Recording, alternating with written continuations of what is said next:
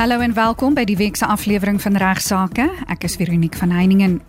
Ignas Kleinsmid praat eerstens oor die staat se aankondiging dat die minimumlone per maand verhoog word. Hy bespreek ook 'n luisteraarsvraag wat handel oor die regstatus van SMS'e of WhatsApp boodskappe wat mense aandag vestig op verkeersboetes. Dan ook die regte van werknemers ten opsigte van gebeurlikhede soos om na 'n siek kind om te sien. Hy raak ook kortliks aan 'n saak wat handel oor 'n verkeersbeampte wat van korrupsie aangekla word. Die vraag is wat gebeur as 'n mens dan nou soos in hierdie geval gebeur het inderdaad R150 vat en jy word uitgevang as jy 'n verkeersbeampte is dat jy korrup was. In die tweede deel van regsaake sluit spesialis gasprokureur en aktevervaardiger Claudia Noble Aref van Tuli Noble Inc in Johannesburg by my aan om raad te gee oor hoe jy jou eiendom teen krediteure kan beskerm indien jy jouself in 'n finansiële verknorsing bevind.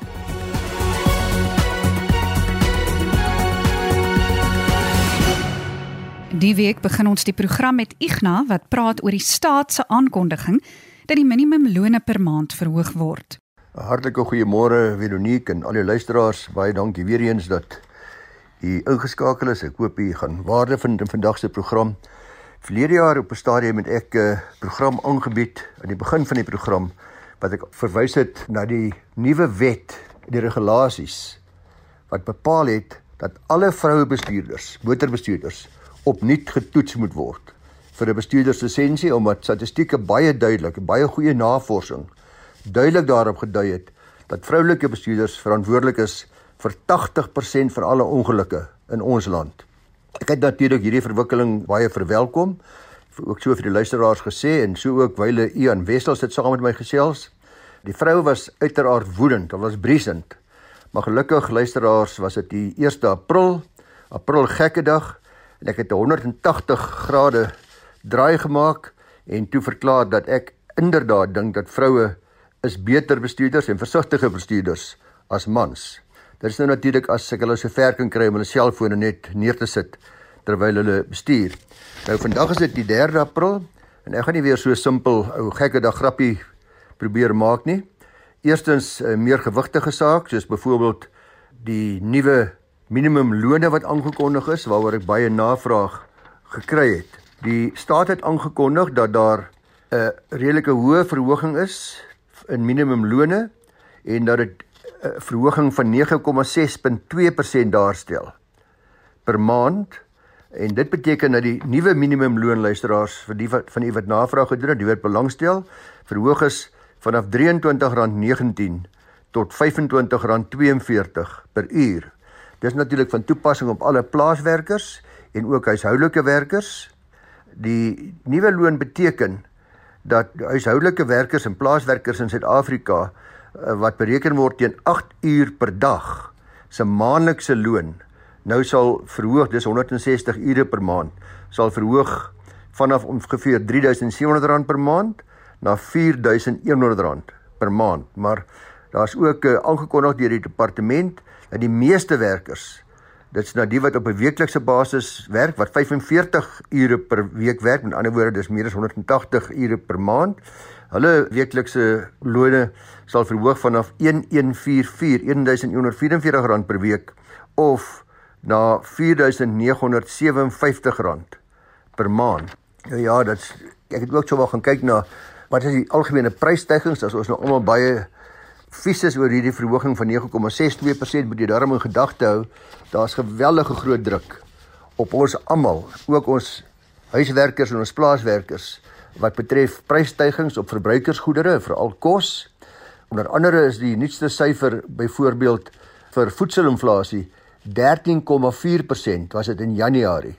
Let wel, hierdie is die hoogste stygings in pryse van kos, mandjiekos sedert April 2009. Dis die hoogste in 14 jaar, 13,4% terwyl soos ek vir u gesê het, die loonverhoging, die minimumloonverhoging is 9,6%. Is ook 'n paar ander interessante feite, onder andere is vleisinflasie se verhoging was van Januarie 11.2% teenoor Desember se 9.7%. Dis amper 2% in net 1 maand. 2.7% tussen uh, Desember en Januarie. Natuurlik weet ons almal van die kragkrisis En luisteraars, uh, u weet dat Nersa die reguleerder het 'n 18,65% verhoging in kragtariewe vir Eskom goedgekeur vanaf 1 April 2023. Dis 2 dae gelede. So almal van ons gaan daaronder lê, maar vir die van u wat die navraag gerig het, basies is die minimumloon nou vir u huiswerker per maand R4100. Igna bespreek nou 'n luisteraarsbrief van 'n Andreas Meyer van Potchefstroom wat handel oor die regstatus van SMS'e of WhatsApp boodskappe wat mense aandag vestig op verkeersboetes. Kom ons hoor wat sê Igna. Dan nog 'n kort navraag Veronique wat jy vir my aangestuur het van iemand met die skuilnaam Andreas Meyer van Potchefstroom. Vra baie kortliks: Wat is die regstatus van SMS'e of selfs WhatsApps wat mense aandag vestig op verkeersboetes? Ek het verstaan sodadige kennisgewing is slegs geldig as dit fisies oorhandig word. Nou aan hierdie luisteraar Andreas, ek het al voorheen in meer detail hierdie vraag bespreek, maar word baie gereeld gevra. Daar's onlangs weer 'n soortgelyke navraag ook gewees, baie dieselfde tyd as wat ek jou nou ontvang het, maar die kort antwoord is enige verkeersboete moet op jou persoonlik beteken gewees het. 'n Egte of beste voorbeeld daarvan is dalk by 'n spoedklokval waar jy afgetrek word en waar die dagvaarding of 'n keuse van 'n boete of 'n verskyningsdatum voor die hof aan jou persoonlik oorhandig word. As jy dan nie betaal nie, sal daar 'n lasbrief vir arrest deur die hof gemagtig word as jy nie op die datum wat daar in daardie kennisgewing verskyn in die hof verskyn nie. As jy egter byvoorbeeld deur 'n kamera iewers afgeneem word of jy kry dan gewone pos of e-posse of WhatsApps of wat ek nogal, kan jy dit maar ignoreer want in so 'n geval sal daar eers 'n behoorlike dagvaarding op jou persoonlik beteken moet word voordat dit verpligtinge op jou gaan plaas van enige aard. Ek weet dat die SMS'e en die WhatsApps en e-posse en die dinge wat ons almal dikwels kry, is maar bloot pogings om die kostes van die regsprosesse uit te skakel of te probeer vermy. En natuurlik sal daar baie wetsgehoorsame burgers dikwels maar hierdie boete dan betaal veral as jy weet jy was skuldig en jy's nie lus vir al hierdie verdere prosesse nie. Maar ondervinding het ook geleer dat dikwels is daar nie verdere prosesse nie bloot omdat dit geweldige hoë kostes veroorsaak vir diegene aan wie die boetes betaalbaar is. So Andreas Meyer van Potchefstroom, ja, dit is so, jy kan maar hierdie e-posse en WhatsApps kan jy ignoreer as jy van mening is dat jy eers wil wag tot daar 'n formele dagvaarding op jou persoonlik beteken word. Ons het nog geskrywe ontvang waar die luisteraar wil weet of hy of sy 'n doktersbrief aan sy of haar werkgewer moet verskaf indien hy of sy tuis moet bly om na 'n siek kind om te sien. Dan vra Kurlen Reuters, ek is seker of dit 'n dame of 'n man is nie 'n interessante vraag. Sy hy vra dat indien jou kind siek is en jy bly by die huis om na die kind te kyk, moet jy dan 'n doktersbrief wys om te kwalifiseer vir verlof. Ek het hierdie vraag oor die arbeidsreg verwys na Johan Botha, ons arbeidsregspesialis daar by die internasionale firma Baker McKenzie. En hy antwoord as volg: Baie dankie Johan. Hy sê 'n werknemer het 'n statutêre reg tot 3 dae verlof per jaar vir gebeurlikhede soos om om te sien na 'n siek kind. Dis artikel 27 en hakies 2 en hakies 'n klein b van die wet op basiese diensvoorwaardes. Die werknemer hoef nie toestemming te verkry van die werkgewer om sulke verlof te mag neem nie. Die werkgewer mag egter later aandring op bewys. Dis nou van die rede vir die neem van die verlof as 'n voorvereiste vir betaling vir daardie tydperk van afwesigheid. Dit is artikel 27 en hakies 4. So met gewone jaarlikse verlof moet die werknemer eers toestemming vra voordat die verlof geneem kan word, maar die besluit om verlof vir familieverantwoordelikhede te neem berus by die werknemer die reg probeer dus om die verskeie behoeftes van ons almal wat werk te balanseer deur die werkgewer toe te laat om betaling te weier indien ons nie kan bewys lewer van die rede vir hierdie verlof nie. Hierdie maatreël verhoed dan dat die soort verlof misbruik word, maar dit skep tog die geleentheid vir ouers om in noodgevalle soos hierdie een van ons luisteraar besluite te neem oor hulle eie besigheid van die werk voordat hulle nog eers toestemming gevra het vanaf die werkgewer. Die vereistes vir hierdie bewys van die rede vir die afwesigheid beteken egter ook nie dat slegs 'n siektesertifikaat baie keer voldoende bewys sal wees van die rede vir die afwesigheid nie. Dit word vereis slegs dat die werknemer redelike bewys van die rede moet lewer. Wet skryf nie voor presies wat hierdie redelike bewys moet wees nie, maar indien jy jou sieke na 'n dokter of 'n kliniek kan neem nie as gevolg van baie omstandighede, sal jy dus nie 'n siektesertifikaat kan inhandig in baie gevalle nie en daar mag egter ander bewyse van jou verlang word dan wat jy kan deel en wat ook redelikerwys kan dien as voldoende bewys van jou kind se siekte toestand op daardie dag. Die doel behoort te wees om die werkgewer gerus te kan stel dat jy wel afwesig was vir hierdie rede en nie die dag afgevat het vir 'n ander rede nie. Baie dankie nogmaals aan Johan Botus. Nou ja, Ignas praat laastens oor 'n situasie waar 'n verkeersbeampte geld ontvang het en uiteraard korrup is en uiteindelik uitgevang is. Ja, luisteraars, 'n kortetjie maar 'n lekker een om my gedeelte van die program mee af te sluit. Soos ons weet, wanneer mens gevang word vir 'n spoedoortreding, is daar dikwels duidelike poging om jou te probeer oortuig om sommer 'n kontant bedragie vir iets te betaal. Daar word aangehou praat. Jy sê skryf die kaartjie en dan gaan hulle sê hulle gaan jou kar kom verskeer en dan praat hulle van 'n R5000 boete terwyl jy miskien uh, net 80 of 90 km gery het ensovoorts. Almal van ons ken daai scenario. Nou uh, in 'n onlangse saak het twee verkeersbeamptes bietjie op hulle herrie gekry en die vraag is wat gebeur as 'n mens dan nou soos in hierdie geval gebeur het inderdaad R150 vat en jy word uitgevang as jy 'n verkeersbeampte is dat jy korrup was. In 'n onlangse saak hier aan die einde van 2022 van staat teen Ramapelo het Ramapelo wat 'n verkeersbeampte was teen haar skuldbevinding beswaar aangeteken en appel aangeteken want sy het artikel 41 van uh, die wet wat vir, op voorkoming van korrupsie, dis die wet word genoem the Prevention and Combating of Corrupt Activities 12 in 2004 het sy swaar gemaak maar natuurlik veral teen haar vonnis van 2 jaar gevangenisstraf. Nou, wat hier gebeur het is dat uh, sy het uh, gedurende 'n spoedoortreding het sy en 'n kollega haar uh, voormalige medebeskuldigde 'n bedrag van R150 aanvaar om 'n spoed oortreding te ignoreer en ongelukkig vir hulle is hierdie hele voorval deur hierdie slim bestuurder digitaal opgeneem. Terloops die polisie diens sal bevestig hulle ontvang baie klagtes dat verkeersbeamptes geld vra van ons almal om groot boetes te probeer vermy en ek hoop tog van harte daar's nie RSG luisteraars wat sal val daarvoor of hierin sal deelneem nie want dis amper net so erg as die persoon wat probeer om jou om te koop.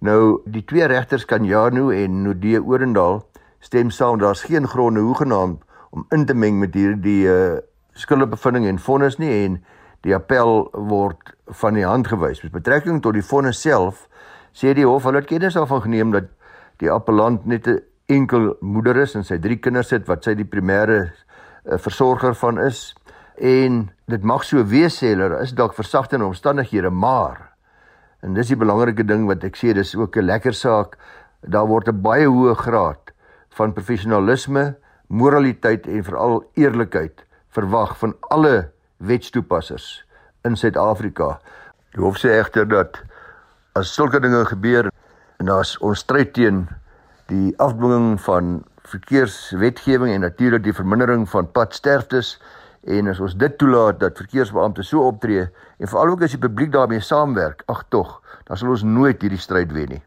Dus gevolglik is dit sê die hof, jammer, is strong toe met julle vir 2 jaar. Groete vanaf my kant tot volgende week maandag om 12:30, lekker week vir julle. Dankie Ignas. Die week verwelkom ek graag weer vir aktevervaardiger Claudia Noble RF van Tuli Noble Inc in Johannesburg. Sy gee die week raad oor hoe jy jou eiendom teen krediteure kan beskerm indien jy in 'n finansiële verknorsing is. Welkom terug by Regsake Claudia. Nou, Claudia, wanneer mens finansiële probleme beleef, wonder mens dikwels of daar 'n manier is om eiendom teen krediteure te beskerm. Nou, is daar 'n oplossing vir so 'n probleem? Ja, Veronique, daar is wel 'n oplossing. Luisteraars kan dit oorweeg om hul eiendom in 'n trust te registreer in plaas van hulle eie name. Dit sal help om bates van hul skuld, sakebelange en ander finansiële risiko's te skei. 'n Trus is in werklikheid 'n reëling waardeur beheer en eienaarskap van eiendom aan ander persone verwys na die trustees verskaf word tot voordeel van begunstigdes, naamlik hul kinders. Eiendom wat in 'n trus geregistreer is, vorm nie deel van jou persoonlike boedel nie en word dus teen krediteure beskerm. Goed, nou hoe stig 'n mens 'n trust? Om 'n trust te vestig, sal jy 'n geskrewe dokument wat bekend staan as 'n trustakte benodig. Die trust word dan deur 'n skenker gestig. 'n Mens moet minstens een trustee hê, alhoewel dit aanbeveel word dat daar tog meer as een is. Daar moet ten minste een begunstigde wees. Dit is nou die persoon wat voordeel uit die trust trek. Daar is twee maniere waarop 'n trust gevorm kan word. In die meeste gevalle is dit deur 'n laaste wil en testament om sodoende jou kinders teen hul skuldeisers te beskerm na jou dood of deur 'n vorming van 'n lewende trust wat gedurende die leeftyd van 'n persoon geskep word deur wyse van 'n ooreenkoms tussen die stigter en die trustees tot voordeel van die begunstigdes. Nou die testamentêre trust word opgerig soos gestel in terme van die laaste wil en testament van 'n persoon en tree in werking na so 'n persoon se dood. In beide gevalle moet die vereiste dokumente by die meeste van die hofsgeregshof ingedien word. Die meester het verskeie verantwoordelikhede en pligte met betrekking tot truste ingevolge die wet op die beheer van trusteiendom. Blote eienaarskap van die trustbates berus by die trustees. Wie se funksie dit is om die trustbates tot voordeel van die begunstigdes te administreer. Trustees word deur die meeste van die hoofgeregshof aangestel. Trustees beklee 'n beswarende posisie en moet nie net in die beste belang van die begunstigdes optree nie, maar hulle moet ook streng voldoen aan die bepalinge van die trustakte en die wet op die beheer van trusteiendom. Sodra 'n trust gestig is, kan die eiendom in die naam van die trust geregistreer word deur 'n agtervergaderiger en dan is dit veilig teen krediteure. En kan eiendom aangekoop word voordat die trust gestig is? O nee, Veronique. Die wet op die beheer van trusteiendom bepaal dat alle trust by die meester van die Hooggeregshof ingedien en geregistreer moet word, asook dat 'n trustee van 'n trust slegs in sodanige hoedanigheid mag optree indien dit skriftelik deur die meester gemagtig is. Sodanige magtiging is in die vorm van briewe van autoriteit, met ander woorde, 'n trustee mag slegs met trusteiendom handel of namens die trust optree indien hy of sy in besit is van 'n geldige magtigingsbrief.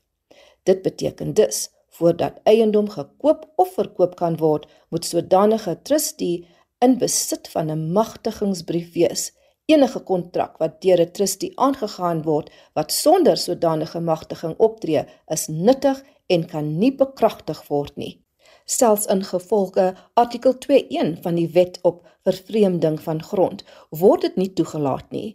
Die wet bepaal dat geen vervreemding van grond sal van enige krag of effek wees nie tensy dit vervat is in 'n akte van vervreemding wat deur die partye onderteken is of deur hul agente wat op hul skriftelike magtiging optree. Dit is dus duidelik uit hierdie wetgewing dat 'n kontrak vir die verkoop van onroerende eiendom skriftelik deur die verkoper en koper of deur hul agente aangegaan moet word en in die geval van die gebruik van agente moet sodanige agente skriftelik bemagtig word. Ek het onlangs 'n geval gehad Veronique waar die verkoopooreenkoms verwys het na 'n trust wat gevorm sal word, maar die verkoper het later die ooreenkoms gekanselleer op grond daarvan dat die trust nog nie bestaan het nie en dat daar niemand was om die agent te bemagtig om namens die trust op te tree nie. Volgens ons gemeene reg kan 'n agent nie 'n nie bestaande entiteit verteenwoordig nie. 'n agent kan dus nie 'n kontrak aangaan vir 'n trust wat nog gestig moet word of nog nie bestaan nie. Die koper was bevooroordeel. Indien enige van ons luisteraars dus gedurende hul leeftyd eiendom in die naam van 'n trust wil registreer, beveel ek aan om eers die trust te stig, magtingsbriewe te bekom en dan eers voortgaan om 'n eiendom te bekom. Nou, afgesien daarvan om eiendom teen krediteure te beskerm, watter ander voordele is daar om 'n eiendom in 'n trust te registreer? Daar kan enorme belastingbesparings wees deur die behoorlike gebruik van trust. In geval van jou dood, sal die eiendom nie deel van jou boedel vorm nie en sal dan nie onderhewig wees aan verskeie kostes soos boedelbelasting en eksekuteurfooie nie. Sodra bates in 'n trust is, vind die groei van daardie bates in die trust plaas en nie in die individu se naam nie. Die waarde van die trust word verhoog en nie die van die individu nie, wat ook sal lei na belastingbesparings. Testamenteerde trust kan gebruik word waar die erfgename minderjarig is om te verhoed dat die erfenis na die voog se fonds oorgedra word. 'n Trust is ewig gedurend en sterf nie soos in die geval van 'n individu nie. Met ander woorde, jou trust en die eiendom wat daarin geregistreer is, sal nie deur jou dood geraak word nie. As 'n erfgename 'n begunstigde van die trust is, behoort dit nie nodig te wees om die eiendom in die naam van die erfgename oor te dra nie, aangesien eiendomme wat in die naam van 'n trust geregistreer is, dus van geslag tot geslag oorgedra kan word. En net laastens Claudia, daar is egter ook altyd nadele met betrekking tot 'n trust of hoe. Daar is opstel en administrasiekoste verbonde aan die stigting van 'n trust. Probleme kan voorkom as die trust nie behoorlik gestig op bestuur word nie.